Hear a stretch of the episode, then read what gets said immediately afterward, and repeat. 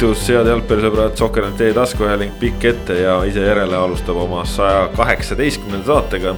ja mõistagi selleks, et rääkida kõige olulisemat jalgpallijuttu maailmas täna. minu nimi on Kaspar Elisser, täna siin minuga Kristjan Jaak Angur. tervist. ja Ott Järvel ka. tere, ilusat esmaspäeva ja head jalgpallinädala algust, kallid jalgpallisõbrad. ja võib vist soovida ka ilusat suve algust, sellepärast et ilmad on läinud selliseks millest peaaegu, et kõik eestlased umbes üksteist ja pool kuud aastas unistavad. et jõuaksid kätte need soojad ilmad, kus ei pea panema selga talvejopet, kus saab minna õue ja lihtsalt nautida. see on jalgpalli jaoks ka hea ilm, aga, aga tänase saade siis saab lühidalt olema selline, et räägime Eesti koondisest, Eesti koondis on siin vingelt mänginud ja, ja kavatseb veel mängida. loodetavasti ka vingelt ja nädala lõpus algab mingisugune turniir, mida nimetatakse Euro kaks tuhat kakskümmend. ehk siis eelmisel aastal ära jäänud EM-finaalturniir läheb nüüd käima ja, ja vaatame otsa siis sellele, mis meid ees ootab ja, ja kuidas me sellele kõigele läheneme. ja vaatame siis mida see kõik tooma hakkab. aga alustame Eesti jalgpallijuttudega, Eesti rahvuskoondis siis sai nüüd noh, Toomas Häberli käe all päriselt esimesed mängud peetud möödunud nädalal, kui esmalt äh, teisipäeval oli see jah, kui Eesti käis Vilniuses ja, ja mängis Balti turniiri raames Leeduga ja suutis nad äh, Henri Anieri viiekümne üheksanda minuti väravast alistada üks-null Läks mõned päevad mööda, Eesti käis Soomes saatmas põhjanaabreid EM-finaalturniirile. ja tuli sealt ka tagasi üks-null võiduga, värav viiekümne üheksandal minutil taas. sedapuhku teine ründaja Rauno Sappinen ja Eestil on siis ühe nädala jooksul kaks üks-null võitu, kaks nulli mängu. ja see olukord, ma pean tunnistama, on päris harjumatu, pentsik, aga kahtlemata ka väga meeldiv nii et võib-olla siit siis selline innustav küsimus, et äh, kas Eesti maailmameistriks? nojah, eh, ei, kui niimoodi küsid äh, aga jah, et ma, kui ma oleks Läti koondis, siis ma nüüd viiekümne üheksandale minutile pööraks küll neljapäeval väga suurt tähelepanu, eks ole, see on see pikk, äikese kolmandat korda samasse kohta löömise reegel, vana hea, et kui kaks korda on löönud, siis lööb ka kolmandat. aga aga no Eesti koondis nendes kahes eelmise nädala kohtumises näitas ikkagi äh, selgelt äh,, kuidas öelda, kvalitatiivset hüpet võrreldes varasema ajaga, see oli kvalitatiivne hüpe ja ja koondise jalgpall on ikkagi väga psühholoogiline business, selle vastu no ei saa, noh, no see on niivõrd tähtis, et kuidas on see ikkagi ähm, mõtteviis ja enesekindlus ja kõik need nivood, eneseusk, millega mängudele vastu minnakse ja need on praegu koondises äh, meeldivalt kõrged. ei silma mm,, ei hakka nendest mängudest silma kartust, et midagi läheb valesti, mis nüüd saab, kui midagi valesti läheb tegelikult me seda kartust ei näinud muuseas tegelikult juba ka märtsikuu mängudes, et isegi kui need kaks kuus ja kaks neli tulid, siis tegelikult ju midagi nagu sellise kartmise taha ei jäänud, et mindi sellise mõnusa ähm, tujuga seal mängudel peale ja ka mängude sees edasi et ainult sealt see Tšehhi mängu jah, noh siis kui sealt järjest tuli, et siis nagu väike murdumisoht oli, aga no see, see on, see, on, see, see oli ammu ja see on see loogiline ja eraldi olukord. see ei olnud Eesti A-koondis ka tegelikult, kui nüüd nagu ja, ausalt tagasi vaadata ja, ja ei olnud ka ju treenerit. Äh, seda, kes... seda, seda kusjuures nagu mulle tundub, et peab aeg-ajalt meelde tuletama, sest osad inimesed kipuvad juba ära unustama seda. nojah, aga, aga jah, et, et sellist äh, selline mõtteviis, millega nagu meeskond ja, ja see, see, see mõtteviis, mis väljakul tegutsemisest läbi kumab, on optimistlik ja sisaldab tublisti rohkem eneseusku, kui me eelmistel aastatel olime harjunud nägema. ning äh, see ei ole kunagi tulemuste garantiiks, aga äh, see loob oluliselt paremad eeldused äh, meeldivate tulemuste saavutamiseks et Eesti võttis nendest kahest mängust kaks võitu, ma arvan, Eestil vedas. et äh, kokkuvõttes, kui me neid kahte mängu niimoodi sada kaheksakümmend minutit vaatame, siis noh, ütleme esituste põhjal ei saa öelda, et kaks võitu oleks olnud selline noh, õiglane tulemus. aga noh, noh, see jalgpall ei olegi selles mõttes õiglane, et, et noh, et vast selline enam-vähem oleks selline võit ja viik oleks olnud nagu selline noh, asjakohasem. ma just tahtsin küsida, et mis see õiglane tulemus oleks olnud. no umbes kas... võit ja viik, noh nende kahe mängu peale kokku, et see no. oleks nagu olnud selline noh, esituste esitused ja tulemused oleks olnud nagu kooskõlas. aga noh, samamoodi Eestil on olnud varemgi perioode, kus nagu esitustele pole saadud mitte vastavaid tulemusi, nüüd minu meelest nagu saadi tulemused eelmisest nädalast, mis olid esitustest natukene paremad kokkuvõttes. see on väga normaalne, et selliseid asju ikka juhtub jalgpallis ja see, et suudetakse ära vormistada ja need ära võtta, vaat ka see näitab kvaliteeti ja ma ütleks, et eriti meeldis mulle selle Soome mängu viimane pooltund, kui äh, noh, oli vaja võitu vormistada ja see vormistati kindlalt ära. see oli vägev. jah, tegelikult, mis mulle silma jäi, mis oli võib-olla kõige meeldivam üldse nendest kahest mängust kaasa võtta, oli oluliselt paranenud kaitsemäng, mis oli distsiplineeritud, terviklik selles Leedu mängus no leedukad nagu ise oleksid söötnud kogu aeg äh, Eesti mängijatele, et vahet pole, kas seal oli, oli käit kuskil vahel, olid seal keskkaitsjad, igatahes nagu plaan oli nii lukku pandud vastaste jaoks, et kogu aeg pallid kukkusid eestlastele. tuletame ikka selle kümnenda minuti võimaluse meelde, et algas no, ühe noh, Leedule, Leedule ikka üks aja prossa anti. no üks, üks oli jah, noh, selliseid tuleb ikka mängus ette, ma ütlen sihuke üldine. Soome mängus ei tulnud. suurem pilt Soome mängus ei tulnud selliseid ette. no samas näiteks see olukord. Pohjanpalu šanss esimesel poolajal jah, kus Henderson paremalt äärelt tuli. see oli väga hea võimalus, aga tegelikult noh, see oli, seal ma ikkagi pigem mäng-, ütleks seda, et no ei, see, see ei olnud otsene mingi kaitseprohmakas ja see ei olnud ka täitsa sajaprotsane no,. mingi, mingi jaga, jagamisprobleem ütleks selle kohta. aga, aga kaitsemäng ei, ma olen nõus, äh, kaitsemängus samamoodi on äh, usaldatakse seda süsteemi, mängijad usaldavad seda süsteemi, mis on neile praegu kasutamiseks äh, antud. Äh, tõepoolest äh, praegu suudetakse selle viie kaitsjaga või siis kolme keskkaitsjaga, noh, nimetame, kuidas seda tahame, kas see on kolm, viis, kaks või viis, kolm, kaks, noh no,. rahvusvaheliselt nimetatakse rohkem seda viis, kolm, kaheksa ikkagi me vaatame. no selles mõttes, kui me vaatame jällegi mängijate asetust väljakul, siis Need kolm keskkaitset on selgelt madalamad. ja kokkuvõttes see on täiesti tähtsutu, kas ta on viis, kolm, kaks või kolm, viis, kaks. jah, nõus Äh, et äh, mängijad usaldavad seda.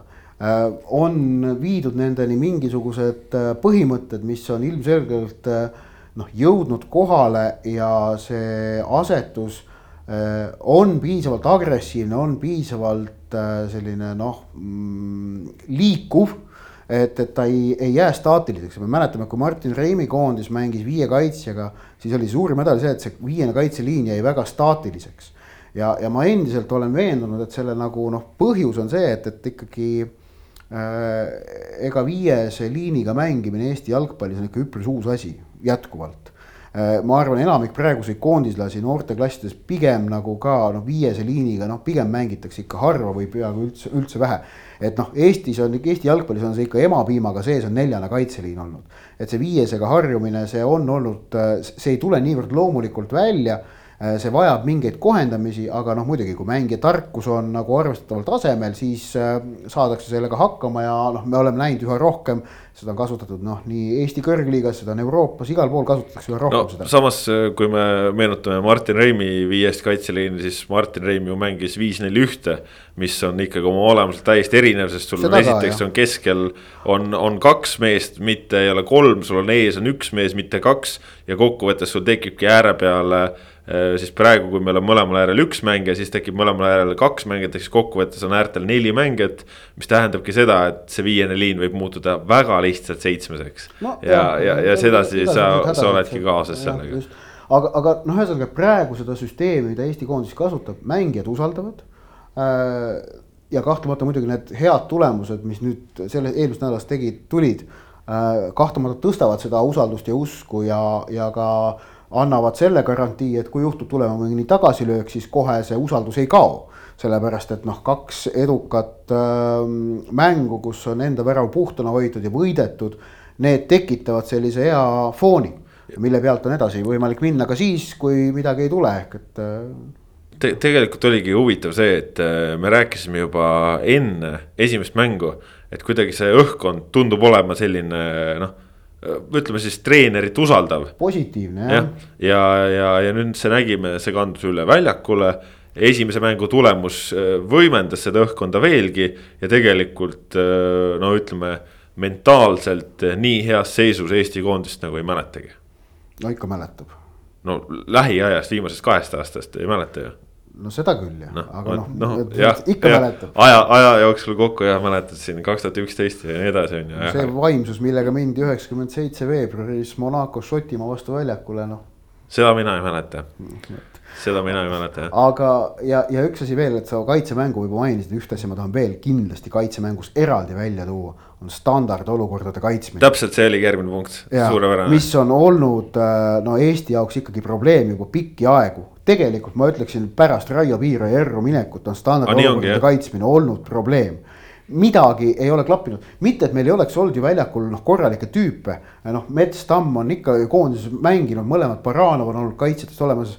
noh, Sergei Zenjov on alati standardolukordade kaitsmisel väga kasulik mängija ja nõnda edasi.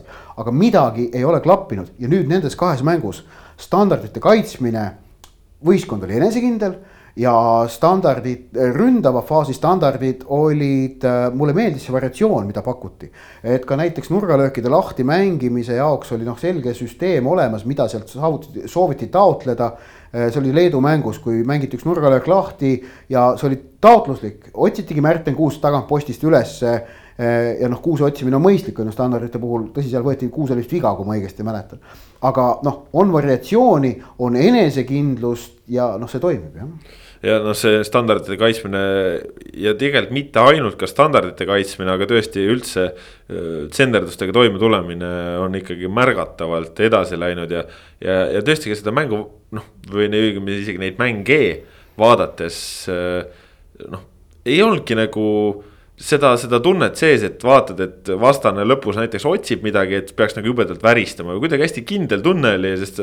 sa nagu teadsid, et no Tamm on ikkagi vahel, kui keegi teine ei ole ja. Tamm tegi supermängu Soome vastu jah ja,. et äh, see, see, kuidas äh, praegu ongi kasvõi see, see kolmik seal äh, noh, see, kuidas Kuusk ja Tamm moodustavad selle fantastilise segametsa seal, et noh nimetame seda kuidagi, võiks minu arust kuidagi, mis see on, see herbaarium ei ole see õige sõna, aga no mis seal, no mingi selline peen, peensõna, mis võtab nagu äh, kokku selle, kus on nagu erinevad puud istutatud kokku. botaanikaaed jah? no selle kohta on veel mingi ilusam sõna olemas, aga mul ei tule meelde, mis see on äh,. vot. ilusa eestikeelse sõnaga looduspark. jah, see on, see kolmik on hea, aga no muidugi ka keskvälja kolmik äh,, Kreida, Käit, Vassiljev kusjuures jah, seal on nagu selles, kusjuures keskväljal me võime öelda, et, et Kreida ei ole nüüd teinud tegelikult teab mis nagu hiilgavaid mänge kummalgi puhul, aga ikkagi on mänginud ka hästi pigem.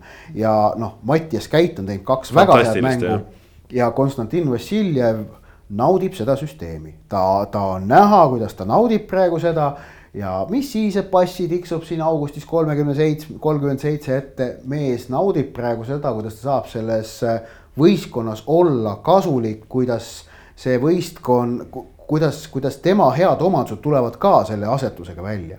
ja samas, et kuigi tema head omadused tulevad välja, siis noh, see oli vist see, mida me siin mingis eelmises saates rõhutasime ju, et ee, võistkond ei sõltu selles mõttes Vassiljevist, et ee, kui ta oma mingil põhjusel ei saa mängida, me saame panna sinna kellegi teise ja midagi ei ole katki sellest, on ju.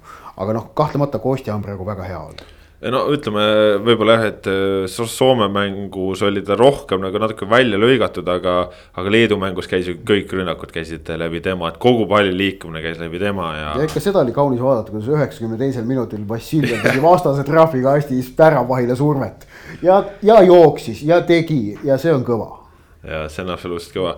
Kangur äh, mõlemas mängus erinev ründaja jala valgeks sai ja näeme ikkagi seda, et, et ründeosakonnas on ka Eestil noh, selgelt viimaste aastate parim olukord, sest meil on kasutada ründajaid, kes löövad klubides väravaid ja nii lihtne ongi. jälle seesama enesekindluse küsimus, me oleme sellest noh, nii palju juba rääkinud, et äh, käib see klõps ära. hakkad lööma ja sealt see, see lumepall nagu veereb sel moel, et, et kui, kui ei löö, siis negatiivse negatiivse tunde kuhjumine tekitab probleeme juba järgmistes mängudes, kui lööd, siis on kõik hästi. Zappinen, Anier täiendavad teineteist piisavalt hästi, ütleme näiteks Leedu mängus noh, võis tunduda nagu, et, et Anier oli silmapaistvam, ta oligi väga hea, selles ei ole küsimustki samas noh, võib-olla vaadati mööda natuke sellest, et kui, kui palju musta tööd teeb jälle Zappinen, et noh, kui ei, kui ei tööta üks, siis ei ole teisel nii palju ruumi. see, et nad seal mõlemad on kogu sellest Äh, koondisest tõesti, nagu sa ütlesid, juba see eelmisel nädalal tajutav ja tegelikult juba, mis oli tõesti tajutav märtsikuistes mängudes, hoolimata asjaoludest. see, see usk treeneri plaani ja ennekõike see mängurõõm. Kui me rääkisime siin vanadest aegadest, ma mäletan, noh, paratamatult jõuame ikka tagasi sinna Tarmo Rüütli vanadesse headesse aegadesse, aga see oligi Eesti koondise parim periood. See oli minu mäletamist mööda seal enne Hollandi mängu, kus meil oli noh, see valiktsükkel oli täiesti pekki läinud, me ei saanud sealt mitte midagi kätte. Ja, ja enne Hollandi mängu Tarmo Rüütli ju lubas olla ka ajakirjanikel tihtipeale noh, kogu soojenduse ajamist nagu ei lähe tavadega kokku, aga aga tema leidis, et see on okei okay.. mängueelse treeningu siis. mängueelse treeningu tähendab ja, ja siis äh,, ja siis ütles, et äh, võttis mehed kokku enne, enne lõppu ja ütles, et tehke nüüd paar minutit igaüks ise, mis te tahate, aga äh, homset äh, meeles pidades põhiline asi, et nautige mängu. ja vot see oli vahepeal Eesti koondise mängudest nagu täiesti puudu et jah, mehed tegid mingeid õigeid asju väljakul, sa saad aru, kõik loogika, taktika on paigas, aga seda, et nad nagu nautinud oleks seda noh, seda mängulusti, mille pärast tegelikult ju noh, lapsena sa hakkad palli taga ajama, seda ei olnud üldse. ja see on nüüd tagasi, see on nagu kõige suurem vahe ja see samamoodi nendes ründajate mängus ka nagu paistab see, et, et esiteks see, et sa ei ole seal ees üksinda et sa ei pea seal, noh, Anier on väga võimeline, see on tema trump olnud eluaeg nagu füüsiliselt tugev, võtta ees pall alla, oodata kaaslasi järele, jagada. Kogu aeg seda üksinda teha, see läheb, see, see on ju erakordselt nüri, samamoodi Kostja no. puhul minu meelest on ka see, et, et see, et ta, ta on pidanud nagu nii palju seal ees rapsima või noh, seal number kümne peal ja tegema ka sellist noh, nagu musta tööd, et seda nautimise aega ja tema noh, kunstnikuna ilmselgelt see on nagu tema trump jälle. seda on tal nagu väga vähe jäänud nüüd on see tagasi ja vot võib-olla just, just ka see kogenud mängija oskus jagada oma energiat. see tõesti, see oli vägev spurt Leedu vastu ja ta tegi selliseid ka Soome vastu, et äh, olen nõus, et just see, see, see on ülioluline Eesti jaoks, aga vastased teavad ka, et me tahame läbi Kostja mängida. soomlased vaatasid ju ka seda Leedu mängu, aga just see, et meil on teisi mehi. meil on käit kasvõi, kes võib üle võtta ja veel üks asi, mis mulle on silma torganud neis kahes mängus, eemalt julgetakse peale lüüa. isegi Märten Kuusk tõuseb ruumi on, miks mitte vajutada. kuuse peal, eks see oli kaunis. see oli vägev, aga, aga kuidagi see, see julgus teha asju, et tegelikult sa nagu näed ka, et noh, need meie mehed oskavad ju mängida küll. Vahepeal oli minu meelest see julgus nagu ära kadunud, kardad, pigem oli see, et, et see klassikaline, et sa, sa kardad no. eksida. sa kardad viimati, kaotada, mitte sa ei lähe väljakule lootusega võita. koolis läks väljakule kartusega kaotada, nii viimane, ei jõua üldiselt kaugele. viimane aeg, kui nagu Eesti mängis sellise mõnuga ja nautimisega, mida sa praegu mainisid, oli tegelikult kaks tuhat seitseteist et ja. kui me, kui me mäletame, kuidas kaks tuhat seitseteist äh, tulemused ju algasid, et see oli ju see, kui Äh, esmalt Küprosega võõrsil kangutati viik, siis võideti kodus Horvaatiat maavõistluses. siis tehti Belgiaga, kelle käest oldi sügisel oli üks kaheksa saadud, tehti kodus täitsa viisakas null kaks, kus Artjom Dmitrijev sai punase, siis mindi Lätti, võideti Riias Lätit. Ähm, ja siis oli ju see Kreekaga võõrsil viik, siis võideti kodus Küprost, Gibraltarit, võideti Bosniaga üks-kaks, noh kodus väga okei mäng oli kusjuures ja, ja okei okay,, Soomele maavõistlus kaotati, Maltat võideti, aga see oli nagu selline noh, tegelikult oli siis nagu asjad toimisid äh,. aga pärast seda jah, kaks tuhat kaheksa alg-, kaks tuhat kaheksateist algus hakkas nagu kiiva kiskuma ja, ja kiskus, kiskuski ära, et noh, sest siis tuli see pettumust valmistanud Rahvuste Liiga kaks tuhat kaheksateist sügisel, kust tulid need tegelikult noh, mängud ei olnud ju isegi halvad, aga tulemused olid halvad, et see oli just see, et kus ma siin ütlesin, et kui me eelmine nädal saime kaks, üks-null võitu mängudest, kus me võib-olla isegi kahte võitu ei oleks väärinud mängupildi põhjal, siis noh, kaks tuhat kaheksateist näiteks Rahvuste Liiga oli see, kus me saime neid null-üks kaotusi mängudes, kus me mängupildi põhjal tingimata seda poleks nagu väärinud niivõrd palju. ma kujutan ette, et see, see sööb nagu isegi teinekord natuke rohkem kui see, et, et okei okay,, jäime nagu teerulli alla, noh, mis seal ikka, unustame selle mängu ära, lähme edasi, aga kui sa tunned nagu, et ma nagu tegin kõik ja noh, võeti ära nii-öelda. ründemäng veel üks kord, et, et, et sinna juurde tagasi tulla, et, et noh, jah, Anier Zappinen praegu selgelt on see nagu esimese valiku ründepaar aga seal on vaja alternatiive äh,. erinevatel põhjustel on vaja ja seal võib olla ka, et noh, sõltuvalt ikkagi vastasest, et kas kõikide vastaste vastu on vaja minna kahe puhta ründajaga, vaatame, mis mängud meid äh, sügisel ees ootavad, on muuhulgas Belgia Wales, Tšehhi okei okay,, kodus Valgevene vastu jah, muidugi lähed. Belgiat on väga hea seal kahe ründajaga survestada, kui nad kolme keskkaitsega mängivad, väga mõnus. ei, kahe, kahe, aga mis tüüpi ründajad, et kas sa lähed noh, näiteks, et noh, me nägimegi Soome vastu Henrik Ojamaa mängis äh, minu meelest äh, mulle Ojamaa mäng tegelikult meeldis, Ojamaa mängis seda rolli teistmoodi ja ta mängibki seda rolli teistmoodi. aga ta pakub ka teistsugust lahendust sinna sellesse kahemehelisse edurivisse. Ehk et äh, noh, tema tahab, tema tahab mängu kokku siduda, otsib nagu sööduvõimalusi, tahab palli jalga. tema ei ründa võimsalt sinna värava ette, on ju, ta mängib seda nagu natukene teistmoodi. võistkonnal. mulle meeldiks teda näha ääre peal ikkagi noh, ma ei ole väga veendunud, kas me teda näeme selles asetuses ääre peal ausalt öelda, eks näis. võib-olla, võib-olla näeme ka, aga et, et, et. Mis ma tahtsin öelda, mul on tunne, et võistkond veel väga ei osanud aru saada, kuidas Ojamaad selles viis, kolm, kaks asetuses täpselt ära kasutada ja Ojamaa tüüpi mängijaid, et noh, et äh, Sergei Zenjov mängiks seda rolli veel kolmandat moodi, kui ta seal nagu võimaluse saaks. aga, aga tundub, et Sergei Zenjov äh, nüüd siis ikkagi praegu esimeses soosingus ei ole ja see on midagi uut. nojah, eks näis, ma usun, et, et ta on nagu selles mõttes hea kindel mees, kelle juurde saab alati tagasi minna, noh, et. Häberlil ei ole nagu muret sellega, et, et, et et, et Zenjoviga peaks nagu mingit kuidas öelda, eritööd tegema, et ta teab, et Zenjov on kindel mees, keda saab igal hetkel kasutada. et sa nüüd peaks nagu jah, võtma Zenjovi ette ja rääkima, et ära muretse, ma arvestan sinuga, et seda ma ei usu, et praegu oli see ka, et, et noh, pigem nagu anda Robert Kirsile, kes on väga hea olnud. jah, me oleme rääkinud, et Häberli nagu noh, nii-öelda avanssi ei anna, aga et, et noh, anda nagu need praegu Kirsile need, need võimalused ja. Ja, ja tegelikult noh, nagu Leedu mäng nagu näitas hästi, et jah Kirss ja Vassiuk tulid nagu suhteliselt hilja, aga nad, nad tegid nagu kõik, mida, mida vaja, et, et tegid noh, tegid töö ära. Mis on veel nauditav olnud äh, Eestiga siis, kui me rääkisime ka sellest nautimisest, siis Eesti ütleme siis mänguline variatiivsus äh, nii selle vahel, et kui otsitakse pikemat sööta, kui ka lühemat sööta ja, ja see, kuidas Eesti äh, mängis küll võib-olla noh, mitte otsese vastase surve all, sellepärast et näiteks soomlased ju, nende pressing oli absoluutselt väga madal. aga, aga ka nendes oludes, kui enesekindlalt Eesti mängis eh, lühikeste söötudega nendest ütleme siis noh võib-olla mitte päris ülekaalutsoonides end välja, see oli ikkagi nauditav vaadata, mehed kombineerisid ühe puute söödud, särgid, värgid, ma vaatasin praegu statistikasse ka. näiteks äh, vana hea tagasisöödud, soomlased tegid neid rohkem kui eestlased isegi ja, ja, ja, ja söödud ettepoole olid ka väga täpsed. ja, ja teine asi, et, et ja, ja kui ei mängitud lühikesed, vaid mängiti pikka ette, siis nagu pikad ette on olnud ohtlikud. sihikindlad jah, et, et need nagu need on olnud meeldivalt nahaalsed, ütleme niimoodi, jah. jah, et äh, see, see on, äh, see on olnud väga hea märk ja, ja mida veel äh, tasub välja tuua, Toomas Häberli on ju esimest korda nüüd päriselt oli koondise juures, päriselt sai oma, oma ideesid näidata, päriselt oma plaane ellu viia. ja mis mulle meeldib väga tema puhul, on see, et ta mängib tulemuse peale. ja, ja no Eesti koondises on see koht, kus, kus sa peadki tulemuse peale mängima, mitte et eelmised treenerid ei oleks seda teinud. aga tahes-tahtmata oli seal ikkagi seda noh, variatsiooni ongi, proovime ühte ja teistpidi.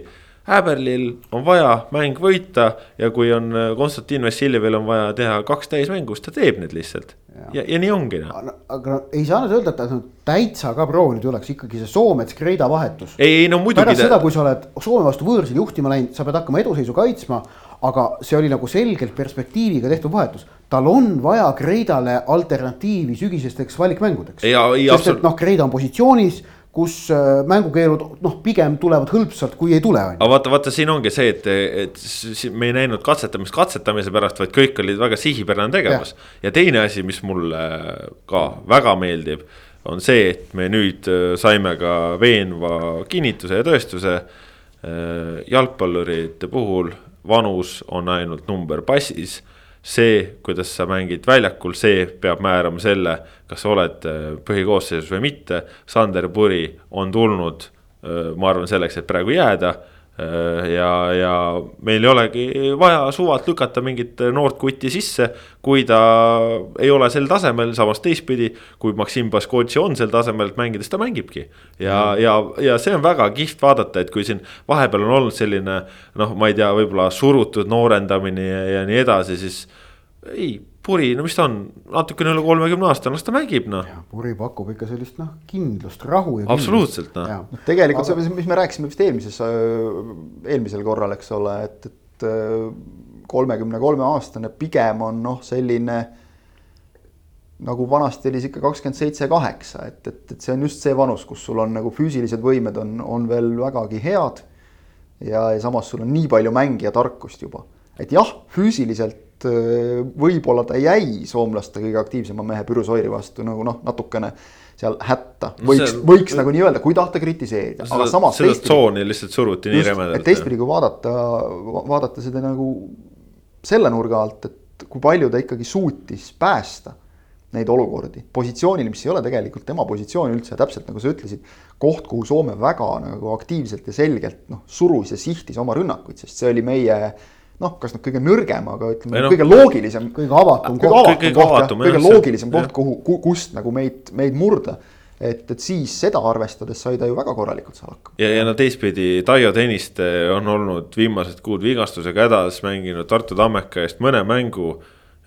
noh, on treeninud Tammekaga, kellest no ütleme, et paremad mehed on olnud ka Laatsarid ja see on ju, eks, seal trennis lükanud üheksateistaastaste poistega on ju tuleb rahvusvahelisele tasemele ja, ja see tase ei ole kuskile kadunud. see on klass. mõningaid, mõningaid tähelepanekuid siis ütleme nende kahe mängu põhjal, mida võib teha, et, et äh, Michael Lillanderil on koondises mänguaja teenimine üllatavalt keeruline praegu, mis on, mis on tegelikult mõnevõrra üllatav, aga noh, see on tema jaoks väljakutse.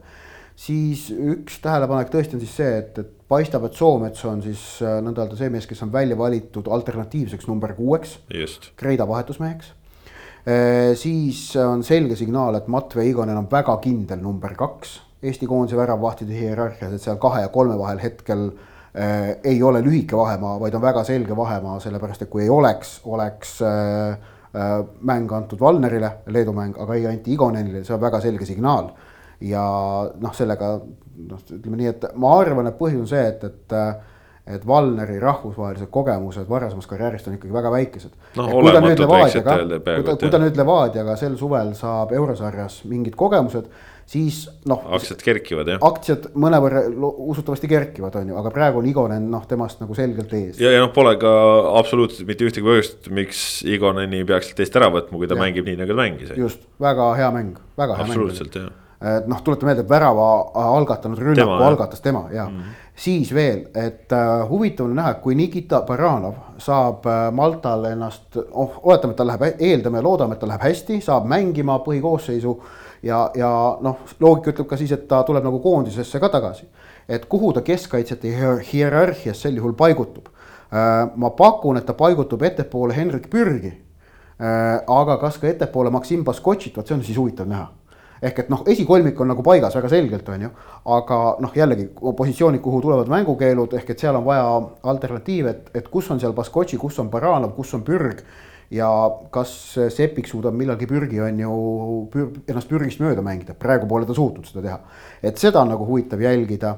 Äh, ja siis äh, ja siis on jah, et, et äh, Bogdan Vassiuki kohta veel see märkus, et, et ta on siis tõesti ka, et ka tema on veel üks optsioon ründaja positsioonile ja, ja see, kuidas Vašuk äh, on tõusnud esile ja ennast mänginud, noh, sisuliselt esimene vahetusmees on ju suurusjärgus mm. -hmm et äh, noh, see on äh, kõva avaldus tegelikult. ja, ja, ja, ja, ja tema universaalsus ka ja. selle, et, et ta. ta võib mängida number kuuest ründajani. just, et, et vana ründajana sobib ja. ta sinna ette. ja praegu... Levadia tõi, ta mäletad, Levadia tõi Leegioni vastu keskkaitsesse, kui need kaks punast oli saanud. ja mängis seal ja ka. mängis ka jah et noh, see vot, vot see on midagi, et tõesti tegelikult ju, ju praegu ei olegi kohta, kus äh, Vaščuk ei suudaks mängida, et äh, Levadias on ta mänginud äärt, ründavat poolkaitsjat, keskpoolkaitsjat, keskkaitsjat.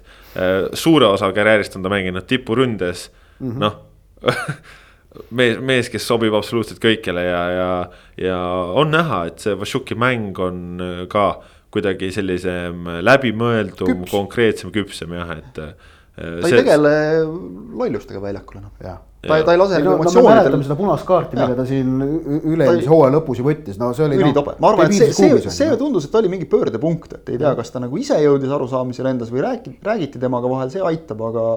aga jah, küpseks. pärast seda pole mitte mingeid lollusi. absoluutselt mitte mingeid, et mitte isegi selliseid, et noh, nagu kaardiväärilisi, vaid, vaid üldse lihtsalt hoiab emotsioonid ilusti nagu vaka all, aga samas laseb nendel emotsioonidel ennast nii palju juhtida, et tema see loovam pool välja tuleks mm. -hmm. et no. seda, seda on olnud väga äge vaadata sel hooajal ja ütleme koondises noh, nüüd, eks ole, kui ta Soome vastu sai noh, ülivähe palli. et tema, tema trumbid tulevad välja, noh, tal on, suudab jah, kõvasti tööd teha, aga ka kaitses aidata, aga aga palliga on teda ikkagi äge vaadata, et et noh, see, see muidugi kummitas nagu Soome, Soome puhul, jah, me mängu lõpus väga hästi hoidsime seda, mis meil käes oli, polnudki nagu rohkemat vaja aga ütleme nii, et, et noh, ründajate panus ka näiteks Anieri panus sekkudes võib-olla selle võrra jäi lihtsalt natukene vähemaks, et noh, kui nagu pall ette ei jõua, siis äh, ongi seal väga raske silma paista, aga ta ega ta sel hetkel nagu ei pidanudki tingimata jõudma ka. igatahes.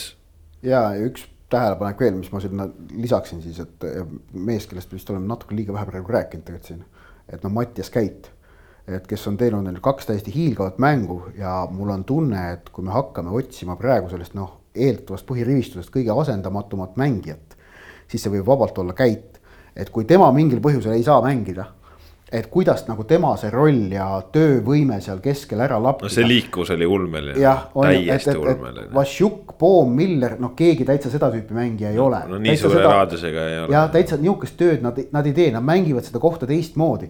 aga just nimelt praegu see, kuidas Käit seda rolli mängib, ta sobitub niivõrd hästi kokku selle süsteemi, selle kaitseliini.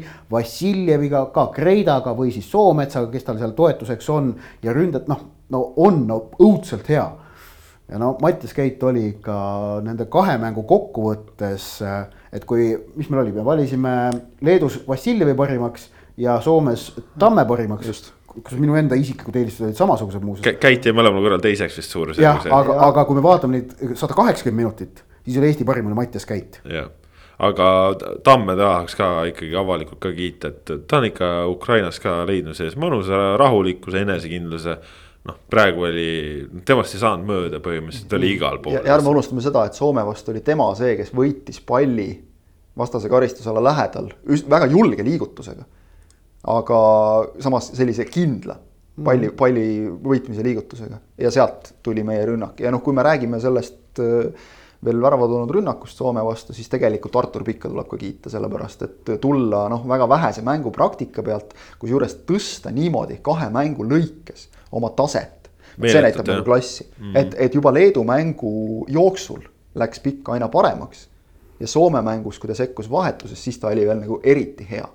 ehk et ka tegelikult noh, suhteliselt, suhteliselt asendamatu mees hetkel jah, igatahes äh, erakordne nädal on selja taga ja tõesti ütleme väga tore on kogeda seda, seda rõõmu, kui Eesti koondis võidab, et selle võttis ju Vassiljev väga hästi kokku Leedu mängu järel, et meil on koondises päris nagu arvestatav hulk mehi, kes ei oleks nagu eriti võidurõõmu kogeda saanud või siis mitte eriti, vaid üldse mitte.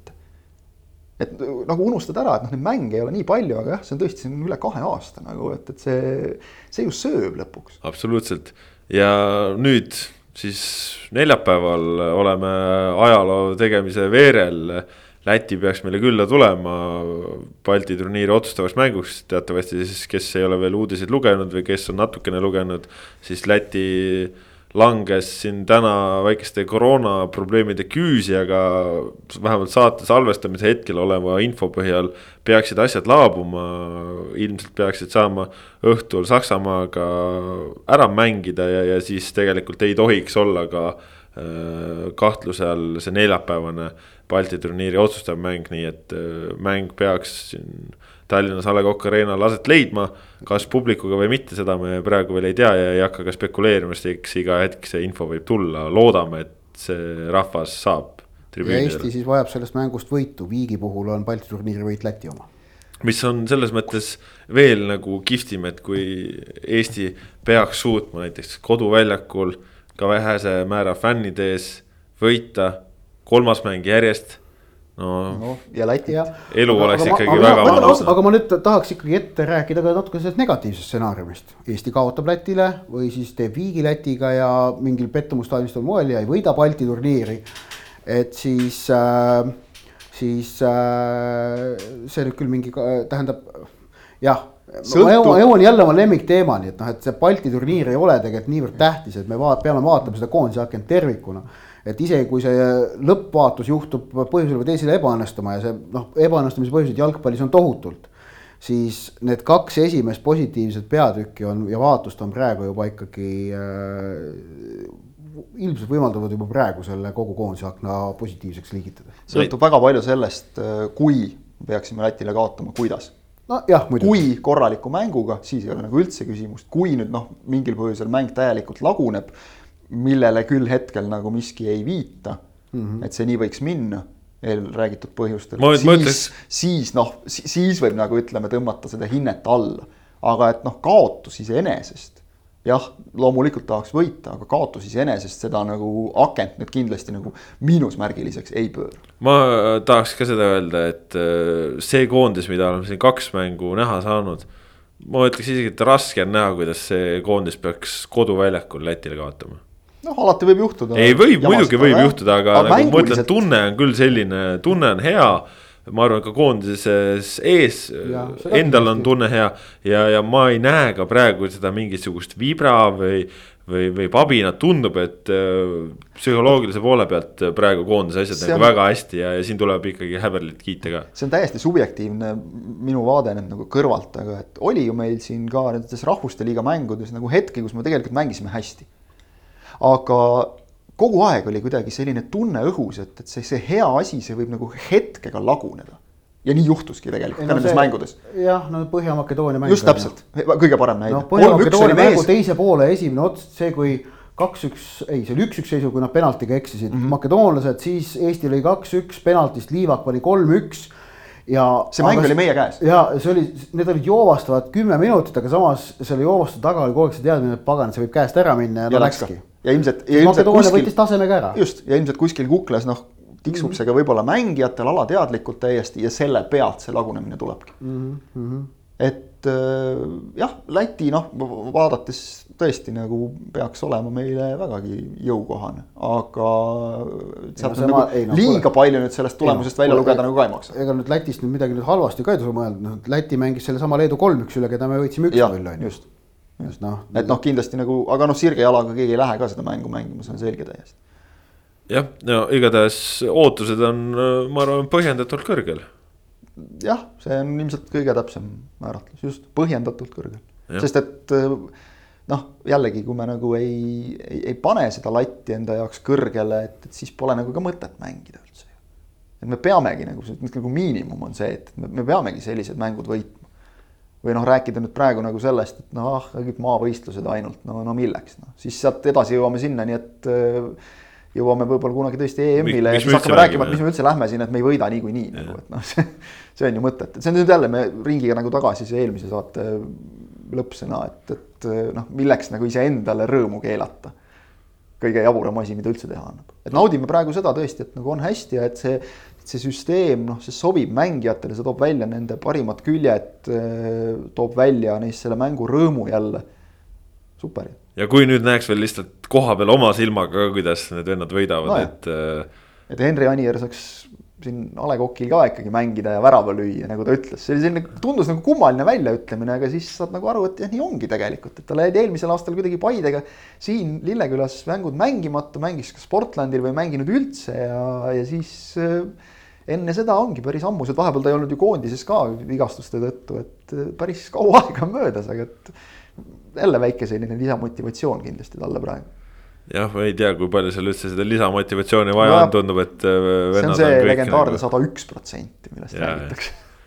no kihvt, igatahes neljapäeval siis Eesti-Läti ja, ja tõesti tahaks näha, et äh, Eesti selle mängu võidab ja võidab äh, esimest korda üle kui mitme aasta Balti turniiri. kaheksakümmend kolme.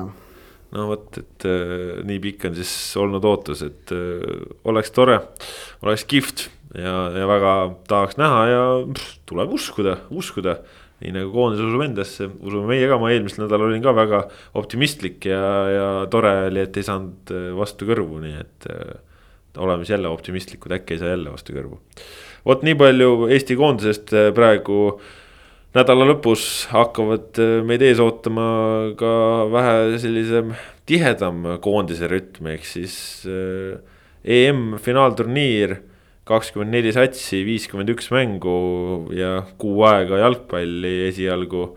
päevas siis kolm lahingut kella neljast, kella seitsmest ja kella kümnest Eesti aja järgi. kohtumised siis üle Euroopa erinevates linnades toimuvad ja, ja tegelikult selles mõttes tuleb see kõik ikkagi ma ei tea, parajalt nagu äkitselt või kuidagi sellist nagu üh-, seda, seda õiget äh, tunnet võib-olla ei ole veel sees, sest ei ole ka seda ühte konkreetset korraldajariiki ja see kõik on nagu laiali, aga. aga nüüd see on juba käes ja, ja nüüd ongi jube palju jalgpalli kohe. jah äh,, korraldaja teema ära, ära korraks puutuda, et, et noh, tegelikult, äh, et noh, me, me põhjus, miks see EM-i üle Euroopa laiali jaotati, oli ju see, et ei olnud korraldajat võtta. UEFA-l ei olnud kahe tuhande kahekümneks korraldajat võtta, sellepärast et Türgi, kes oli kolm hääletust järjest kaotanud, otsustas, et nemad äh, kahe tuhande kahekümnendaks äh, ei loobu suveolümpiamängude püüdmisest Istanbuli mis omakorda UEFA-le pani häirekellad lööma, nad ei tahtnud mitte mingil juhul olukorda, kus kaks nädalat pärast EM-i lõppu algavad olümpiamängud, sest see oleks võtnud ära, noh, samas riigis, see oleks võtnud ära tähelepanu, noh, tekitanud sada häda. Äh, ja seetõttu ei olnud ühte konkreetset kandidaati ja see mõeldi hädalahendusena välja tegelikult, et üle Euroopa laiali jaotada. ma usun, et sellest õpitakse nüüd piisavalt, et sellist äh, asja enam edaspidi ei taheta teha. see on maru keeruline korraldada, oleks ta olnud ilma koroonata, ta on praegu veel keerulisem. Õnneks noh, on teada, kakskümmend neli soovib Saksamaa ja kuna Hispaania, Portugal andsid teada, et nad soovivad üheskoos korraldada kolmekümnenda aasta MM-i siis noh, ühesõnaga kandidaate, kes tahavad EM-e veel edaspidi teha, kas üksi või kaksi me leiame neid, äh, leiame neid Euroopast ka, ma usun, et sellist üle, ümber, ülejaotamist enam ei tehta. et see, see selleks ja, ja no ütleme, noh, kuna see fännide kokkusaamise melu tekitamine on niikuinii keeruline sel, oleks sel aastal, siis ma arvan, et kokkuvõttes väga palju kaotusi isegi ei lähe seal üle Euroopa ringi jaot-. kõige laot, parem hetk laot. selle jaoks selles Just, mõttes, et no,. tehtagu, proovitagu praegu ära ja, ja, ja ongi tehtud. aga ma usun, et seda soovitakse edaspidi vältida, mis ei tähenda, et, et, et korraldaja peaks olema üks riik, ei, ja isegi mingi nelja riigi äh, lahendus no, on mõeldud. sama piirkond, mitte et.... mida, mida on mõeldud Põhjamaade puhul, on räägitud, et, et, et Põhjamaad seda teeksid aga noh, see jah, või on ka Balkanil, Jugoslaavial mõeldud, ei seda võib ikka teha jah ja,. see aga..., see, see pole nagu oluline, aga just see, et, et, et, et noh, et ei oleks sellist olukorda nagu praegu on näiteks Šveitsi koondisel, kes äh, baseerub, äh, laagerdab Itaalias äh,. lendab sealt oma esimest mängu mängima Bakuusse, lendab tagasi siis, et mängida Itaaliaga Roomas siis lendab oma viimast alagrupi mängu mängima uuesti Bakuusse ja siis sealt noh, kui edasi saavad, mis noh, on Šveitsi puhul täiesti võimalik, võib-olla isegi tõenäoline natukene sellest grupist, siis nagu veel kuskile. et noh, see on ju totter kokkuvõttes, kõik, kõik nagu see, kogu see pendeldamine, et, et ja, ja noh, nad on nagu ainsad, kellel see on nagu nii jabur aga, aga. samas seal... Äh, märgin, et sellised vahemaad, millest me praegu räägime, et äh, viie aasta pärast mm finaalturniiril on täiesti tavalised kõikide osalejate jaoks ja see noh. sest et siis mm toimub USA, Kanada, Mehhiko. ja ei noh, Brasiilias pandi ka nii, et vähe polnud, eks no, just, ole, seal mööda, mööda riiki ringi, aga, aga see nagu nüüd noh, iseenesest. võib-olla ei ole nagu probleem, aga see, et sa nagu pendeldad seal nagu mitme linna vahet, et noh, see, see tundub kuidagi erakordselt totter ja noh, oleme ausad, ma ei tea, minu jaoks vähemalt noh, nagu see Baku on ikkagi nagu väga selgetel põhjustel valitud ka ikkagi. ei no muidugi. No, raha ega, maksab, et, et siuksed asjad natukene nagu ega, ma ei tea, tekitavad mingit vastumeelsust. ilmaasjata pole meistrite Euroopa liigal aastaid klotsi alla ladunud. no, sellised asjad on otseselt seotud. aga siis üks asi veel ikkagi, et mis nagu on seda, kuidas öelda jah, et sellist nagu tohutut tunnet veel peal ei ole tõesti. et ikkagi see äh, kuidas öelda, küllastus jalgpallist on ka ikkagi tekkinud natukene selle väga tiheda klubihooajaga, kus on mängitud ju lakkamatult, iga nädal on olnud tihedad graafikud meil. Äh, ja pole nüüd ka olnud sellist pausi äh, klubihooaja lõpu ja EM-i eel, klubihooaega, klubihooaeg meistrite liiga finaalini kestis vaata, mis tahad teised.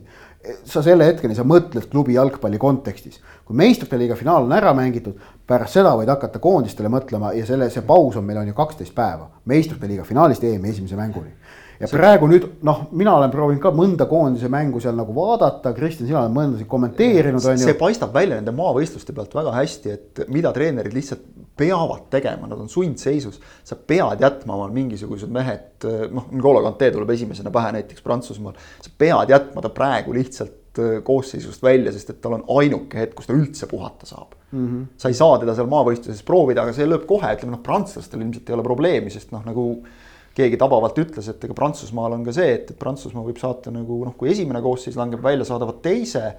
kui teine ka, siis, siis saadavad kolmanda, kui kolmas ei saa minna, siis läheb pink. no pink mitte selles mõttes, et need üksteist meest, vaid see pink lihtsalt et, et siis panevad ka ilmselt kinni et, et noh, prantslastel ei ole probleemi, aga mõnel, eks ole, noh, võtame soomlased kasvõi Matemu Pukkiga, eks ole, okei okay,, tal oli vigastus, aga et noh, sa pead nagu vati sees hoidma neid mängijaid praegu. ei no juhuslikkuse koefitsient on äh, erakordselt kõrge selle EM-finaalturniiril, väga palju on prognoosimatuid asjaolusid, äh, kasvõi seesama, mis saab nüüd Hispaania koondisest. Sergio Busquets andis positiivse koroonaproovi, praegu ei ole teada, kas ja kas ta suutis seda kellelegi edasi anda, kui jah siis äh, on Luis Enrique'il vaja otsustada, kas ta vahetab need mehed välja äh, koosseisus, äh, võt-, toob uued mehed asemele või ootab, kuni nad äkki kümne päevaga saavad terveks, ehk et alagrupi viimaseks mänguks äkki on juba olemas. kui sa mehe vahetad välja, sa enam tagasi tuua ei saa. et sa tagasivahetust enam teha ei saa. noh, ja sellised asjad, aga, aga see, mis praegu on juhtunud Hispaania Busquetsiga, see võib juhtuda kõikides ülejäänud kahekümne kolmes koondises samamoodi. sellised asjad võivad hakata seda EM-i mõjutama kui mängu ei saa pidada, et sats on koroonaga audis, siis on see null kolm tuleb tabelisse. see on juhendis kirjas, et kui maksimaalselt kaks päeva proovitakse edasi lükata, kui on võimalik. aga kui ei ole võimalik, siis tuleb null kolm. no ja pigem ju noh, pigem ei ole eriti võimalik no, nihutada kuskile, okei okay,, noh leitakse ja, aga noh, kaks päeva, see ei, tegelikult see, see ei muuda ju midagi. see on muidugi erakordne saatuse iroonia, et, et selle koroonaga saab pihta just nimelt Hispaania kui Luis Enrique ütles, et tema võtab kakskümmend neli meest kaasa, mitte mhm. kakskümmend kuus. Mhm. ilmselt ta seda varianti ei osanud kaaluda, ta ütles, et ta tahab nagu kõigile, sest noh, kakskümmend kolm, tuletame meelde, pääseb ju äh, koosseisu, mängupäeva koosseisu ehk et ta nagu ei taha sealt väga kedagi jätta, eks ja siis ole tal kolmas väravavaht, et noh, ta ei taha nagu kelle, kedagi kõrvale lükata, aga nüüd oleks seda just tarvis. aga mm. ma hakkasin mõtlema, kui sa ütlesid enne see tagasi põigates korraks selle juurde, et jalgpalli on palju et noh, kuna ise räägin, jälgin kõige rohkem Inglise liigat, siis, siis seal torkab see nagu eriti silma, aga ka teistes liigades. et liigad ju lükkasid oma kalendri nii-öelda mööda nädalat laiali. just selle tõttu, et noh, siis saab võimalikult palju telekas näidata mm. -hmm. publikuga ei pea ju nagu niivõrd arvestama, telekast ikka vaadatakse ja see on ilmselt tekitanud just kõige rohkem selle tunde, et noh, iga päev on mingi jalgpall mm. -hmm. ja, et selline jalkaväsimus tekkis jah. ja see tekitab tõesti nagu väsimus, et siin hooaja lõpus oli nüüd on kolm korda päevas veel. ei, aga no. suurturniir, ei, see on teine asi. see on, see on, see on alati teine asi, see on, vähemalt minul on küll olnud varem nagu ka see, et, et ah jälle see jalgpall, et noh, kes ei jõuab kuu aega vaadata ja siis hakkavad esimesed mängud peale. ja sa avastad ennast mängu. jälle MM-i ajal öösel mingisugust kuradi Nigeeria-Jaapani mängu vaatama. sest tegelikult mis tegelikult ei tohiks sind nagu üldse huvitada, aga täpselt kuna sulle meeldib jalgpall, siis sa vaatad ja pärast oled õnnelik, et vaatasid. absoluutselt, no mina kavatsen küll põhimõtteliselt vaadata maksimumprogrammi, noh see aasta on no, see asi, et kuna, kuna, kuna keegi no, tööl, ei no noh. me saame palka ka vaata selle eest üldiselt, kui sa oled tähele pannud, et. aga, aga no ei no okay.. ei, ei muidugi alati. vahest ikka mõne mängu nagu lükka, ei no võimalik, et sealt alagrupi faasi lõpus hakkame mingeid tähtsusetumaid mänge kõrvale lükkama, seda võib ikka juhtuda. vaata aga..., aga siin on see konks, et kas alagrupi faasi lõpus on väga palju tähtsusetuid mänge. jah, euro kaks tuhat kuusteist näitel ei olnud. pigem ei ole, sest et ja. see, seesama süsteem, kakskümmend neli meeskonda ja, ja 2000... kolmanda koha meeskonnad saavad ka, osad saavad ka edasi, see hoiab pinget õhus. kaks tuhat kuusteist EM-il oli ju seis see, et alagrupi turniiri kahe vooru järel oli konkurentsist väljas ainult üks sats, Ukraina. Ülejäänud kakskümmend kolm olid kõik kas juba edasi või šansiga pääseda edasi. ehk et mis tähendas, et noh, tühje mänge tegelikult ei olnudki. see on nüüd ühe, üks selle formaadi suur pluss jah, aga vaatamegi otsa kõikidele alagruppidega ala,, alagruppidele ka, kuus gruppi mängivad, vaatame, mis meid enam mees ootab, eks. kõige kohta põhjalikult saate lugeda äh, meie portaalist lähiajal ilmselt äkki juba täna saab ka ilusti EM-i erileht avalikuks, seal saate ka ennustada ja, ja kõiki muid asju teha sõpradega, sõbraliigasid ja omavahel ennustada ja. ja auhindade peale ja, ja kuidas iganes soovite ja noh, mõistagi saate kõikide koondiste kohta ka põhjalikke eelvaateid lugeda, kus, kust räägime nii staaridest, eemalejääjatest kui kõigest muust. Aga, aga vaatame põgusalt ka siin saates otsa, A-alagrupp algab ja kogu turniir algab reede õhtul kell kümme. Türgi, Itaalia, lisaks seal alagrupis Šveits ja, Wales noh, Itaalia on siin selge favoriit, kes teisena. ma ise vaatan, et, et siin on ikka asjad väga lahti, väga lahti. vot siin on see, et, et nimeta, kes siin alagrupis viimaseks jääb, no ei oska kurat. Siin on, siin on küll mündivise täiesti jah. ma, pa, Itaalia... ma, paneks Wales't. aga Itaalia on, noh, aga Walesil on Bale no,. ja ilma naljata, see on, ei noh, suurturniiridel vot sellised vennad nagu oskavad asju teha, ausalt öelda noh, Bale on natuke muidu, nagu. muidu paneks nagu Walesi viimaseks. ja, ja., aga Bale on natukene nagu Ronaldo Vaesem. Äh, kes eelmine kord tegi, noh, tassis Portugali sealt alagrupist läbi ja, ja siis lõpuks Euroopa meistriks välja. vaese, vaese mehe Ronaldo. jah. Peilile meeldib see määratlus kindlasti kusjuures ametlikult vastupidi, sest Amet, Peil oli välja ju. aga Itaalia on hea. Itaalia on väga hea. okei okay,, ma ei ole kindel nüüd, kui, kui halb oli Tšehhi, mõlemad natukene viimases kontrollmängus, aga Itaalia, Itaalia on meeskond no,. Itaalia suur trump on see, et Itaalia on meeskond ja Itaalia, Itaalia kõige suurem trump on Mancini minu meelest mm -hmm. treeneri pingil. et ta on saanud selle, selle pundi mängima ja, ja nad on tegelikult ju noh, noh, alati neid valiksarju ei saa nagu võtta aluseks, et seal natuke sõltub grupist ka, aga, aga sealt ikkagi tuldi võimsalt läbi ja ja, ja just olles nüüd seda viimast mängu näinud, isegi mitte jah, tulemused, vaid mängupilt Itaalial. ta on tasakaalus meeskond ja tegelikult on selles meeskonnas ka kõvasti sügavust ja seal tundub, et on väga hästi paigas just see äh, Bonucci, Chiellinid, kogenud mehed ja siis äh, noorus. Barella, Barella. Barella, äh, noh, seal, seal on tegelikult on, on kogu koosseis on selline, et võib-olla ei ole nii palju neid selliseid noh, Pirlosid, Katusosid, selliseid tohutult nagu suuri A-kategooria staare mm, -hmm. aga ühtlus on ja ühtsus on minu meelest mm -hmm. nagu need Itaalia trumbid, et Itaalia võib olla täiesti vabalt selle selle turniiri kokkuvõttes, mitte ainult alagrupist rääkides, kokkuvõttes must hobune. no selle ala. imelik on Itaaliat nagu selleks nimetada, aga noh, meeskond, kes siin ikkagi on suurturniirist lausa eemale jäänud, eks ole. selle alagrupi mustabune on ikkagi Türgi, kes alati teeb ja. igasuguseid üllatusi ja, ja. siia-sinna. vaata Türgi puhul on see, et, et eh, nad võivad selle alagrupi võita. see ei ole üldse võimatu ja nad võivad ka täiesti vabalt viimaseks jääda no kõige sellisem äh, keskpärasem ja, ja mõnes mõttes näotum on minu hinnangul sealt Šveits, et. Äh, et noh, Walesi puhul on see Bale'i faktor seal olemas, aga, aga Šveits ongi täpselt selline äh, tubli Euroopa keskmik, kes on lihtsalt tubli Euroopa keskmik ja nende ülesanne on olla tubli Euroopa keskmik. saab enamasti finaalturniirile, päris häbisse seal nagu ei jää, aga. aga ka midagi erku ka ei tee. midagi enamat nagu ka ei tule, neil ei olegi ühte sellist suurt staari, noh, võtame siin näiteks Poola või, või seesama Wales, noh, kellel on, eks ole, olemas selge vedur. Neil ei ole sellist meest väga. Neil ei ole jah. B-alagrupp, see on selline vaata, et sihuke peaaegu et Läänemere alagrupp, et äh, Belgia, Taani, Soome, Venemaa, noh. Belgia läheb üldse kogu turniirile tegelikult äh, päris suure favoriidina, kuigi ega nende see kaitseliin on seal ikkagi kogenud ja, ja kihvtid nimed, aga, aga üha sellisem noh, staatilisem, ma julgeksin isegi öelda ja, ja noh, ikkagi võtmemängijad siin Eden Hazard ega, ega Kevin De Bruyne pole ju noh. Belgia seis ei ole üldse nii hea kui äh, kolm aastat tagasi enne MM-i või tegelikult neist isegi viie aasta tagusel EM-il räägiti rohkem ja, ja loodeti rohkem et seis ei ole üldse nii hea, et ma ei oleks üldse üllatunud, kui Taani selle alagrupi võidab. et, et äh, Taani on nagu tundub, on jätnud kindla mulje, siis äh, Venemaa loodab sellele, et neil oli talvel meistrivõistlustel paus. Nende mängijad on puhanud, erinevalt enamikest, kuna nende koondisest äh, kakskümmend kaks meest kahekümne kuuest on koduliigast venelased loodavad sellele ja nad, et nende klubi hooaeg lõppes siin varem ära, nad said teha treeninglaagri Austrias, nad loodavad sellele. No kas see nagu lõpuks maksule pääseb, eks ausalt keeruline öelda, ma ei ole enda peast seda ka välja mõelnud, Soome osas. Äh, no kui nad see... mängivad nii nagu Eesti vastu, siis läheb ikka väga raskeks. ja ei no Soome osas mul, mul siin mingi Õhtuleht vist oli, uuris mu käest ühel ennustusvõistlusel osalemist ja siis küsimus oli üks puudutas Soome koondist, et. mis, mis, mitu punkti nad saavad vist ja mitu väravat pukki lööb, ma ütlesin, et Soome ei saa ühtegi puk, punkti ja pukki ei löö ühtegi väravat et, et noh, Soome seis on keeruline, tegelikult neil on, neil on, neil on, neil on keeruline alagrupp jah, nende ainukene relv on tegelikult see vaimsus, et kui nad suudavad leida üles kuskilt selle heaolutunde ja sundimatuse mida neil Eesti mängus polnud karvavõrdki näha, see oli nagu kuradi sunnitöö, mis seal toimus, kangutasid ja kangutasid. kipsis olid.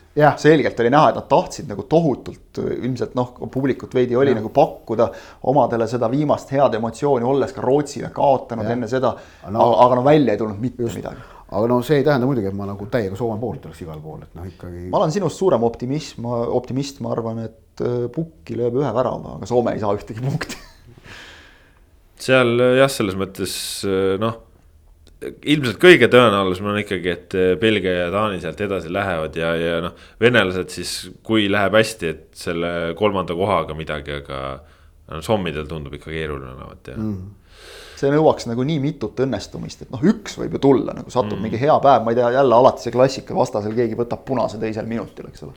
aga noh, et sellest nagu piisata võiks, et veel edasi kuskile jõuda, ei usu küll no C-alagrupp, see on selline, et võta üks, viska teist, Austria, Holland, Põhja-Makedoonia, Ukraina. Äh, noh, selline tugev äh, keskmik, isegi üle, ülema, ülemise poole tugevad keskmikud üheskoos. No seal võib ikka absoluutselt kõike juhtuda. ei no ma arvan, et see, et Põhja-Makedoonia jääb viimaseks, see on nagu selge ju. arvad, et nad ei suuda üllatada või? ma arvan, ei no ma tähendab, ei noh, noh, võivad küll. ma, ma arvan, et Põhja-Makedoonia, Põhja-Makedoonia üllatuskoefitsient äh, on öelda siis nagu Põhja, tõenäolisem kui Soome oma. Põhja-Makedoonia alagrupis viimaseks jäämise tõenäosus on kindlasti üle viiekümne protsendi.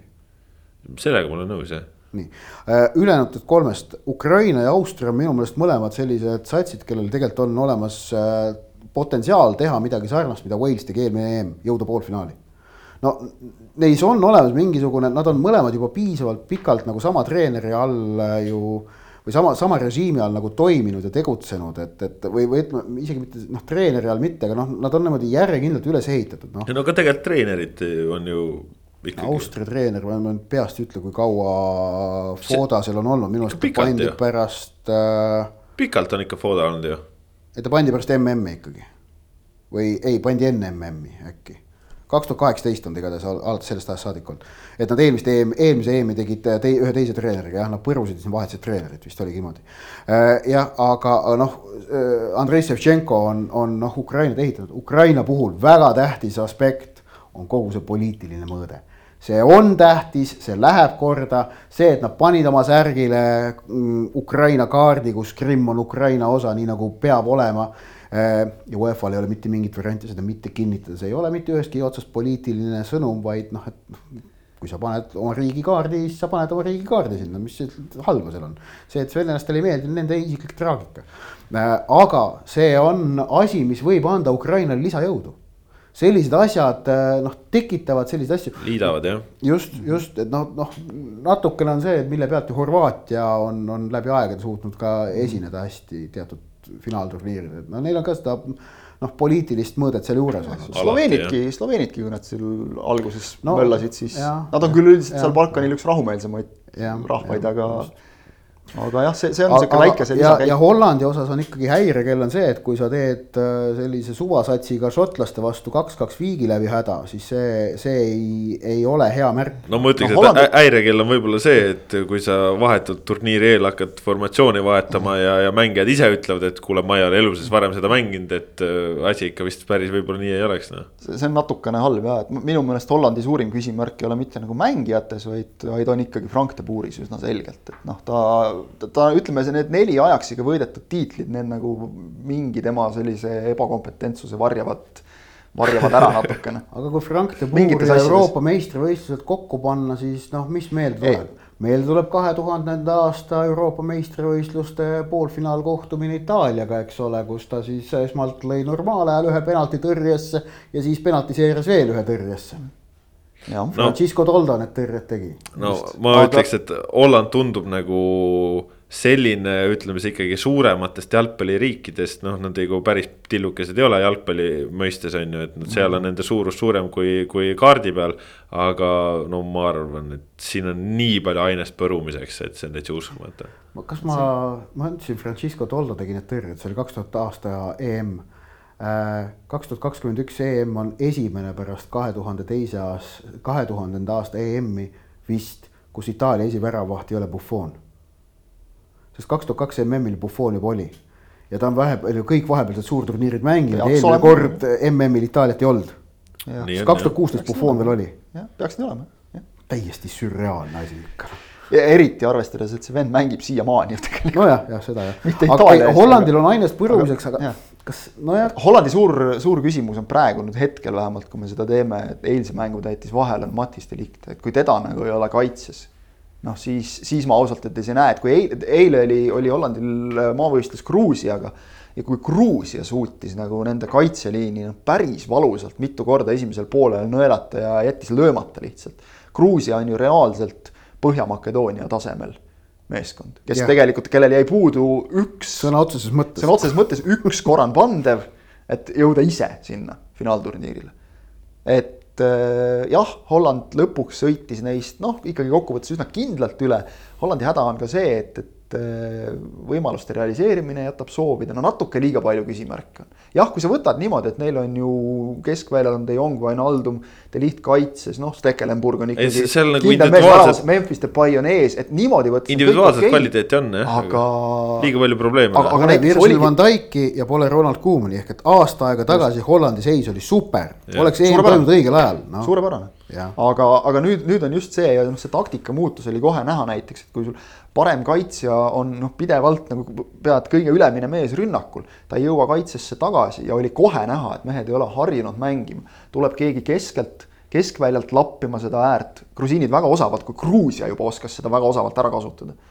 siis mida siis veel need teised, Ukrainad ja, ja, ja, ja Austriad seal teevad, eks ole. David Alavad jah. no just, et, et kui, kui, kui see juba nagu töötas ja, ja siis, kui keskkaitse tuleb lappima, jääb jälle mingi ruum, et noh selgelt oli näha, et mehed ei tunne ennast mugavalt selles süsteemis ja tõesti, kui sul Matis de Licht ütleb, et, et aga noh, sorry, et ma ei ole selle vasakpoolse keskkaitsjana mitte kunagi mänginud enne võib-olla ei peaks enne suurturniiri selliseid lükkeid tegema. aga võib vabalt juhtuda, et tõesti, et ei, ei saa välistada, et kui Ukraina ja Austria viimases voorus omavahel mängivad, et siis nad lähevad mõlemad sellele mängule vastu täisedu pealt.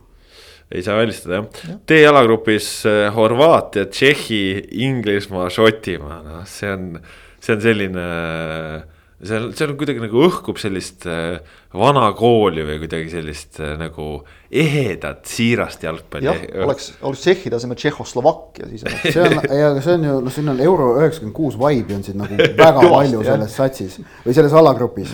sest et euro üheksakümmend kuus finalist oli Tšehhi. Horvaatia tegi oma esimest finaalturniiri üldse, jõudis veerandfinaali, mängis seal sakslastega väga hea partii Inglismaa, Šotimaa mängisid toona ju alagrupis selle legendaarse mängu, kus Paul Gascoigne lõi oma legendaarse värava pärast seda, kui Gary McAllister legendaarsel moel legendaarsel David Seamanil penaltit sisse ei saanud. Äh, ja noh, noh, see on euro üheksakümmend kuus. legendaarne mäng oli tahad öelda? no üpriski jah ja. ja., et see euro üheksakümmend kuus vibe'i on siin päris palju ähm,. mul on tunne, et Inglismaa võidab selle alagrupi ära üpris kindlalt. ohoh. üks nullidega.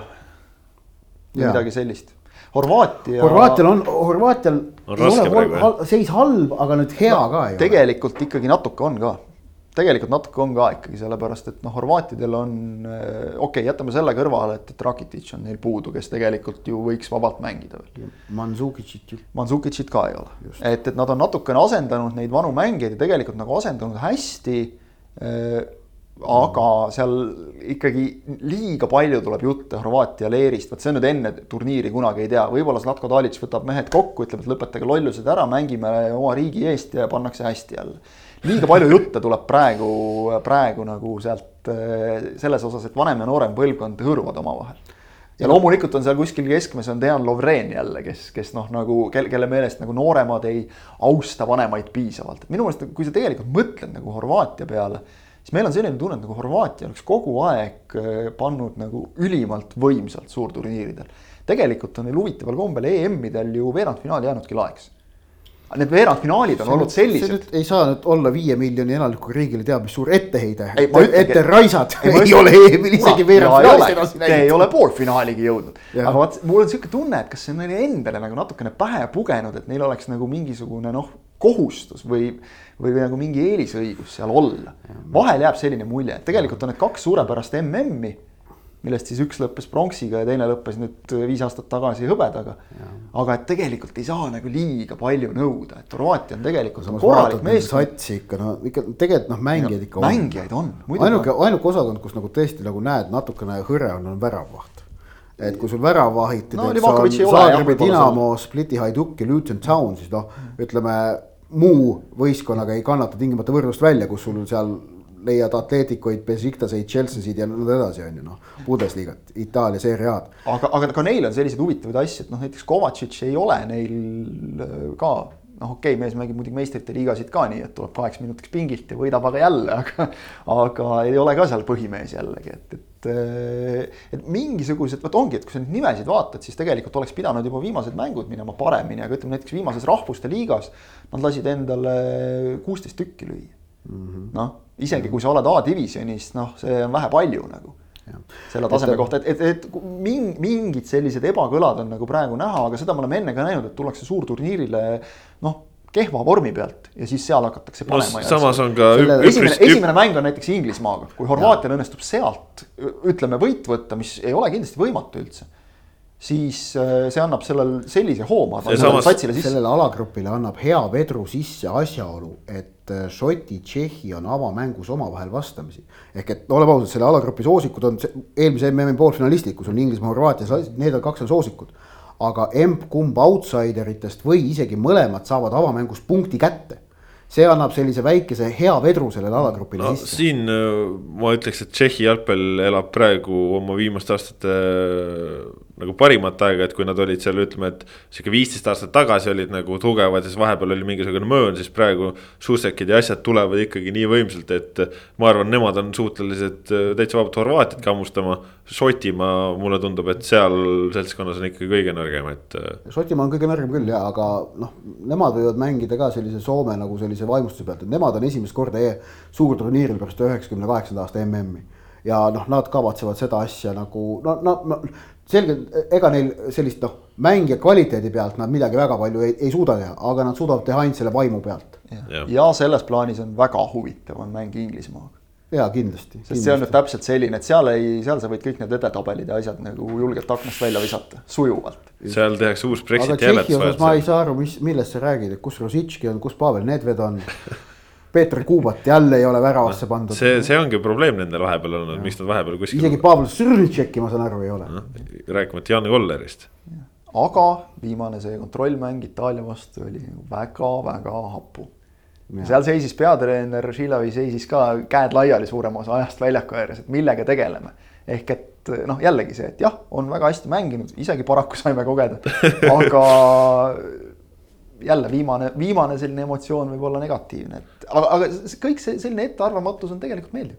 jah, E-alagrupp äh, Poola, Slovakkia, Hispaania, Rootsi, selle alagrupi võib vist ristida äh, legendid kodus äh, selliseks poolikuks alagrupiks, Levanovski on siis ainus suurstaar kõikide nende noh, teiste staaridega võrreldes, Sergei Ramos pole, Zlatan Ibrahimovic ei ole, aga no. Marek Hamšik ikka on jah, äh, aga noh, sealt ikkagi Hispaania läheb ilmselt suuremate probleemideta edasi ja, ja siis selle. vaata, no see, ma ütlesin ennem Austria ja Ukraina kohta poolfinaali potentsiaal, siis Poolal on kindlasti ka see olemas.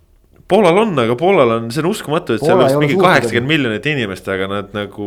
ei ole nagu... nii palju, aga natuke vähem on, aga, aga Poolal on olnud potentsiaali suurturniiridel, me oleme mitu korda rääkinud. no see, kuidas nad eelmisel MM-il ennast ära käkkisid, nad läksid sinna ikka Nad läksid sinna tulemust tegema, nad läksid sinna vähemalt veerandfinaali jõudma. ja, ja, ja neil oli sats, millega noh, põhjalt oleks pidanud seda nõudma ja ootama ja alagrupp oli ju, neil oli see Jaapan, Senegal ja kes see neljas oli, igatahes nad sinna toppama, nad sinna jäid. Äh, edasi nad sealt ei saanud ja noh, nad olid tohutult pettunud enne enne oli EM-il, eks ole, oli see penaltiseeria, et noh, see, nad, nad on ikka. veerandfinaalis penaltiseerias Portugalile. Nad on lati nagu ikka ütleme ka, ka, ka mänguliselt just nagu ikka, ikka mitu suurturniiri järjest, kuhu nad on jõudnud nagu nii-öelda rinnaga maha jooksnud, et pole nagu ületamisele lähedal ka olnud. et nad pole suutnud Levandovskiga teha tulemust, mida Levandovski potentsiaal võimaldaks teha. noh, seal on jah, et äh, täpsustame siis, et rahvaarv on natuke alla neljakümne miljoni. aga noh, seal, seal ongi, et see ju, kuidas sulle pallid sinuni toimetatakse, see ju määrab ära, et sa mängid nii hästi, kui hästi mängib su võistkond. ja, ja ega üksinda jalgpalli, see ongi väga raske särada, et sa võid olla isegi isegi Robert Lewandowski, aga kui sul noh. seda, seda kaaslast seal kõrval ei ole sellisel tasemel, kes neid sööte sulle kohale toimetaks, siis no,. vot see ongi huvitav, tegelikult on nagu just need nagu tase, taseme poolest on nagu olnud need mehed olemas ju. et mm. tõesti nagu Ott ütles, et noh, see, need olid põhjendatud lootused, millega mindi viimasele MM-ile vastu aga mingil põhjusel pole käima saanud. no mul tegelikult ka, ma mäletan enne Poola esimest mängu, kas oligi Poola esimene mäng oli Senegaliga. ma nägin ühte tuttavat Poola ajakirjanikku seal, seal Spartaki staadionil Moskvas. No tüüp oli niimoodi, et me tulime siia võitma mitte ainult mängu, vaid vaata, et noh, et äh, mina plaanin siin veel noh, juulikuuni sul siin olla, me mängime siin veel kaua ja noh, näha oli noh, tohutult noh, selline noh, positiivset energiast pakatasid. ja siis said Senegali käest. no see ilmselt tõmbaski, see on hea näide sellest, eks ole, et esimene mäng läheb aia taha ja see tõmbab mm. masti teinekord nii maha, et sul vigade paranduseks on aega ju, mis sul on seal kaks-kolm päeva. Järgmine mäng, veel kaks-kolm päeva ja ongi kõik koju sõitnud. no Hispaania puhul see on ikkagi, kuigi ma ütlesin, et kindlasti alagrupist edasipääs ei tohiks erilisi raskusi valmistada, siis noh. see Hispaania on väga kaugel oma hiilgusest, see on täis äh, selliseid äh, keskpäraseid, äh, tublisid võistkondlikke mängijaid Nendel ei ole õigeid liidreid, neil on koroonajamad. Ma ei tea, kui Luis Enrique nendega suudaks, ma ei tea, kuskil poolfinaali jõuda, see oleks juba, ma arvan, väga suur eneseületus, sellepärast et. Äh, no ma, ma ei tea, ma ei, ma ei saa aru, see Luis Enrique, kogu see jutt, mis ta räägib, kuidas. Sergio Ramos äh, ei ole piisavalt mänginud, samal ajal on, on tal koosseisus Erik Garcia ja no, see on, see on nii palju jabursusi, et see, see, see mul lihtsalt ei mahu pähe kas Rootsi. Luis Enrique teeb siis sama, mida teeb Peep Guardiola mõtleb üle või? Ma ei tea, mida ta mõtleb, aga ta on läinud tegema mingit äh, avantüüri, mingit no, see... ma ei tea, mis asja, kui ta sealt ta ujub välja, siis. kehtestada kuidagi äkki. ma ei tea no.. sest vaata, kui ta tuli tagasi koondise tüüri juurde ja lõi sealt oma selle eelmise abimehe minema, siis see läks ka kuidagi väga inetuks. ta, tal on jah midagi. see, see nagu kuidagi, see, see oli nagu kuidagi väga veider käik ja noh, Ramose puhul muidugi võtame, eks ole, rootslased võtavad kaasa Andreas Krankvisti, kes vist on mänginud umbes mingi ühe mängu siin nagu vigastuse no, tõttu. ei no ta, mängib, ta on mänginud Rootsi esiliigas neli mängu ja, ja koondises viimati kaks tuhat üheksateist. noh, ta võetakse, see on ju selge, et ta võetakse nagu nii-öelda maskotiks, eks ole, sinna kaasa. inglastel ei ole nagu küsimust ka, et kaasa võetakse, okei okay,, ta nüüd sai siin viimases sõprusmängus juba mängida ka, eks ole, aga Jordan Henderson kaasa. Harry Maguire kaasa, meeskonna liidrid ikkagi noh, nende koht on seal mm. -hmm et okei okay,, Holland Van Dijk ei hakanud nagu lisama, aga ma olen täiesti kindel, et Van Dijk oli siin viimastel sõprusmängudel noh, nagu figureeris.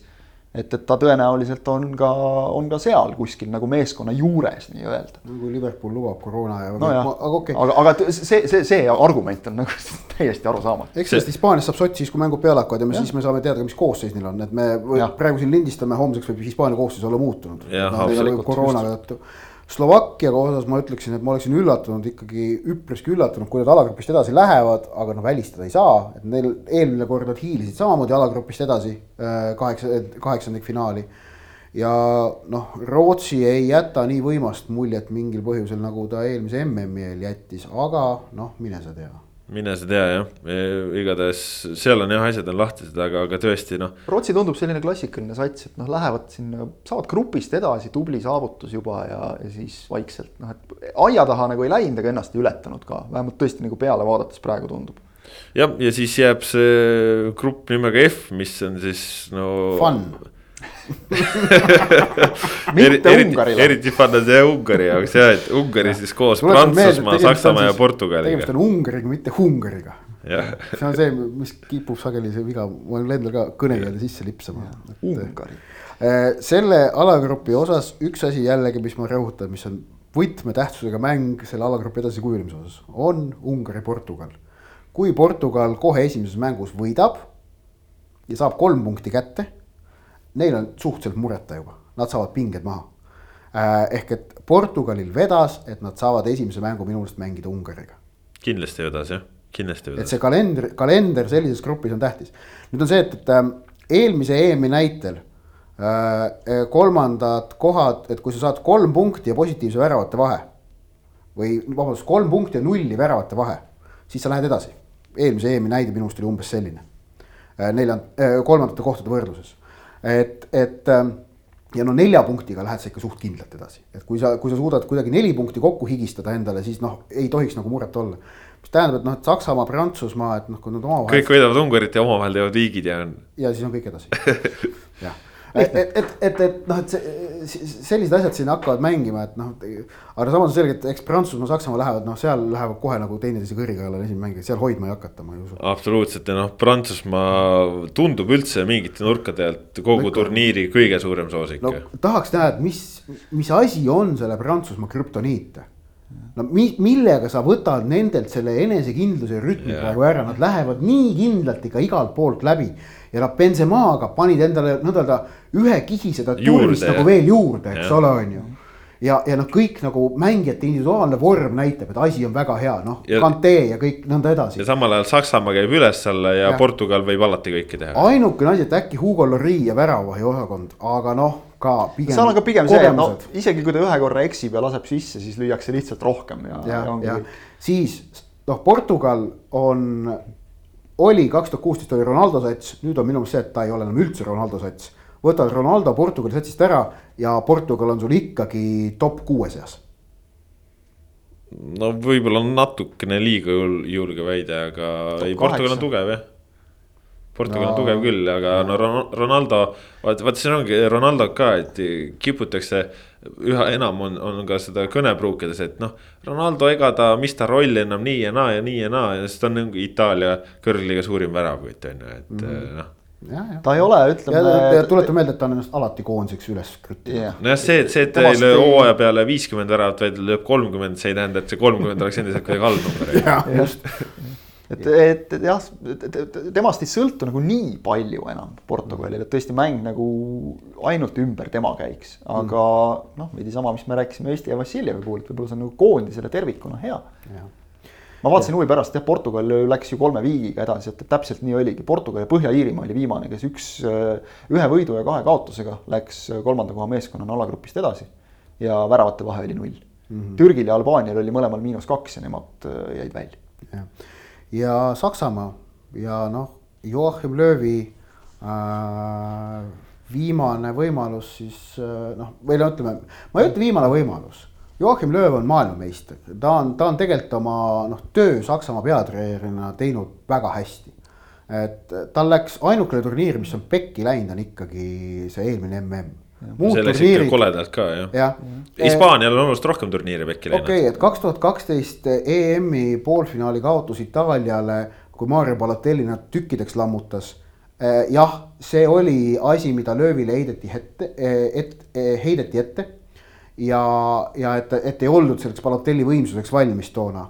nojah, aga ütleme selliste, selliste asjadega neid suurturniire otsustataksegi ja, ja noh, ta suutis sealt väga kenasti välja tulla, võita maailmameistritiitli kaks tuhat kuusteist EM-il. ma tuletan meelde, see oli ka totaalne ebajopp, et nad poolfinaalis Prantsusmaa käest tappa said. Nad olid toda, nad toda mängu ikkagi valitsesid ja neil oli see, et neil oli Mario Gomez oli vigastusega väljas, neil ei olnud ründajat. ründaja kohta mängis Toomas Müller, kes juhtus tol turniiril olema totaalne kaigas. et ta, Müller on see vend, kes on MM-idel mänginud väga hästi ja EM-idel üldse mitte ja, ja noh, nüüd on, nüüd okei okay,, nüüd on Müller satsis tagasi, et kui nüüd on paaritul aastal EM, äkki on teisiti on ju, eks näis.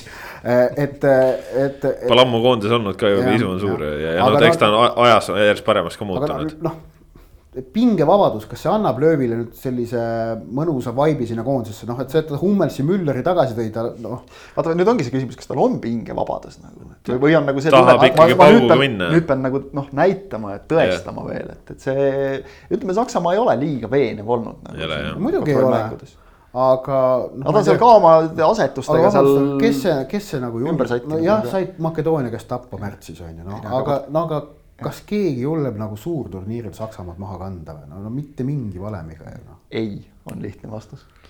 ometi no, see võib täitsa vabalt juhtuda, et nad kantakse maha. ja, aga kui nad alagrupist läbi lähevad, siis äh, mis neil variandid on seal äh,? no vot, seal lähebki edasi väga põnevaks. jõuame ja... mõelda selle peale siis, kui aeg käes on, Ott. no tegelikult on seis see, et ükskõik kellega Saksamaa kaheksandikfinaalis juhtub kohtuma, siis kas ta on, kui, kui see Prantsusmaa ei ole, kas ta kellegi vastu on nagu outsider või? Mm,? praeguses hetk, kes ilmselt mitte. Outsider küll mitte jah, võib-olla selliseid võrdseid paare nagu, aga ei outsider mitte, aga, aga ja. selle, selle järgmise ringi juurde. kui nad saavad teise koha, siis nad lähevad ju vastamisi siis äh, peaks. Inglismaa alagrupi võitjaga. just. Saksamaa see..., Inglismaa kaheksandat finaal, mis tähendab, Inglismaa tuleb täiseduga alagrupist läbi. saab vastaseks teise koha nelja punktiga venitanud Saksamaa. mis te arvate, kes selle mängu soosik on, noh? Saksamaa. ja mis te arvate, kes no. ja kes, mis te arvate, kes ja kuidas selle mängu võidab? Saksamaa penaltid, täpselt. aga see on võib-olla kõige parem näide nagu sellest süsteemist, et äh, et jah, selle grupi äh, võitja no,. mäng toimub Londonis ja Wembley'l siis on ju puhta selg, Saksamaa ja penaltitega. muidugi. Äh, see ongi nagu parim näide just, et selles alagrupis ei pruugi üldse grupi võitmine niivõrd hea olla, sest saad sealt F-grupist teise meeskonna ja korras igatahes saame näha. et, et see, seda nagu ette arvutada. ei olegi vaja, meil on nädalaid aega veel täpselt. siin. seda polegi vaja ja, ja selles mõttes ongi just nagu me ütlesime, et, et ei ole mõttetut mängu alagrupis. ja ei ole ka selliseid, et noh, nüüd paneme siin paika juba selle, kes kuhu nagu jõuab. just, sellepärast, et seda kõike jõuab jälgida järgmise kuu aja jooksul, mil no. kogu oluline jõuab teieni Sokkernetist no., tavapäraselt mängukajastused, kõik see lisaks jätkame ikkagi ka siin oma podcast'iga, igal esmaspäeval tulevad ka eh, EM-i stuudiokesed, eh, kus räägime ka olulist jalgpallijuttu. mitte ainult esmaspäeval. jah, kolm korda nädalas, esmaspäev, kolmapäev ja reede, nii et broneerige need päevad omal ka ära, siis teate vaadata. võib-olla seal, võib-olla seal lõpus play-off'ide puhul natuke ja. vaatame, varieerime. alagruppide osas ma tegelikult ütleks sellise asja kokkuvõtteks, minu meelest on ainult kolm võistkonda, kelle edasiminek alagruppidest oleks üllatus, selge üllatus Soome, Põhja-Makedoonia, Ungari. ja Šot, Ungari Šot, ainult põhjusel, kes liiga, on nende vastased. ma liiga, lisaks Šotimaa ka sinna. Näh, ei tea, no tšehhidele võivad ära teha küll. kolmanda koha kätte saada. jah, aga noh, et, et see nagu ja, ja see on eh, hea tõestus sellest, et Euroopa meistrivõistluste finaalturniiri laiendamine kahekümne nelja võistkonnani ei olnud mitte midagi sellist kriminaalset, mida sellest otsusest, milleks seda otsust tembeldati. vaid Euroopa jalgpallis ongi niivõrd palju kvaliteeti. vaatame neid, kes seda EM-i kõrvalt vaatavad. Serbia teist EM-i järjest ei mängi EM-il.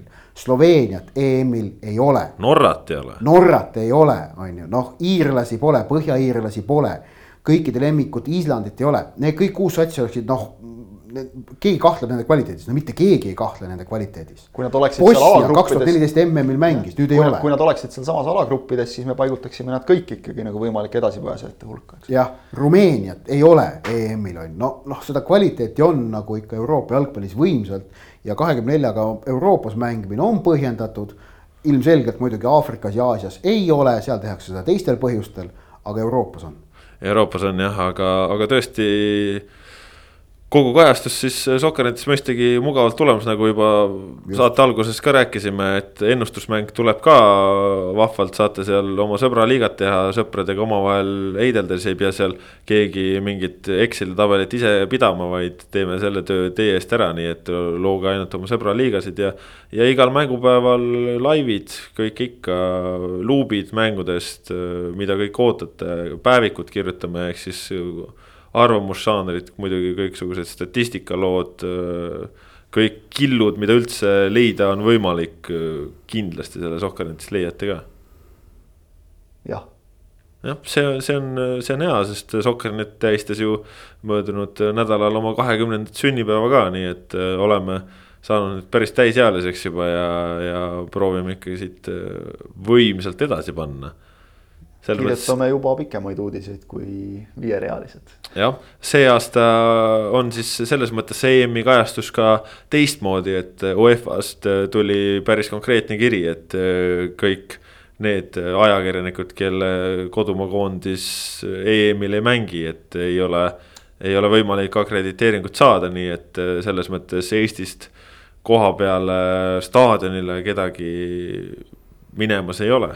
ajakirjanikke aga tervisi kõigile neile, kes selle Kolgata tee ikkagi ette võtavad, kes, kes on saanud äh, piletid ja, ja kes on suutnud kuidagi ka välja nuputada selle, kuidas nendesse võistluspaikadesse reisida saab, see on isegi oluliselt keerulisem, me oleme nagu harjunud, et maailm on lahti ja sõida ja lenda kuhu tahad, aga nüüd nagu selgub isegi Peterburi saamine võib päris keeruline olla, nii et kes, kes kohale jõuab ja seda EM-i nagu oma silmaga nautida saab, siis palju õnne teile. ja selle, selles mõttes ütlesin ka isegi valesti, et tegelikult ikkagi üks äh, ajakirjanik kindlasti läheb äh, EM-ile tuntud küll rindeoperaatorina Ivar Heinma, tema siis läheb koos Soome koondisega, keda aastaid on ta soomlaste ülele operaatori tööd teinud ja tema läheb siis soomlase filmima, nii et üks eestlane on igatahes ka, ka meedia poole pealt koha peal olemas. nagu igas sadamas, nii ka igal EM-il vähemalt üks on kohal.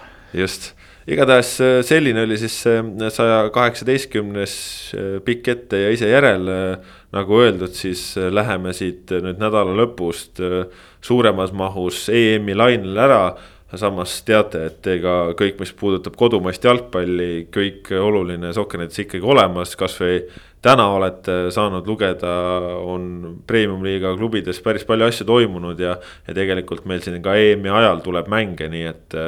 ja noh, tegelikult, kui siin nüüd veel kaugemasse tulevikku vaadata, siis EM ei jõua veel läbigi saada, kui alustavad juba ka Eesti klubid oma kohtumistega eurosarjades, nii et selles mõttes jalgpalli, Sokkerneti jagub palju kõik oluline meie juurest teieni kättesaadav, nii et püsige lainel, püsige terved, käige veel vaktsineerimas, kes ei ole. ja siis äh, tõotab tulla kihvt suvi, praegu on ilmad ka head, nautige neid. Ja rohkem polegi. tänast saate teid teinud Kaspar Elster, Ott Järvela, Kristjan Jaak Kangur, adjöö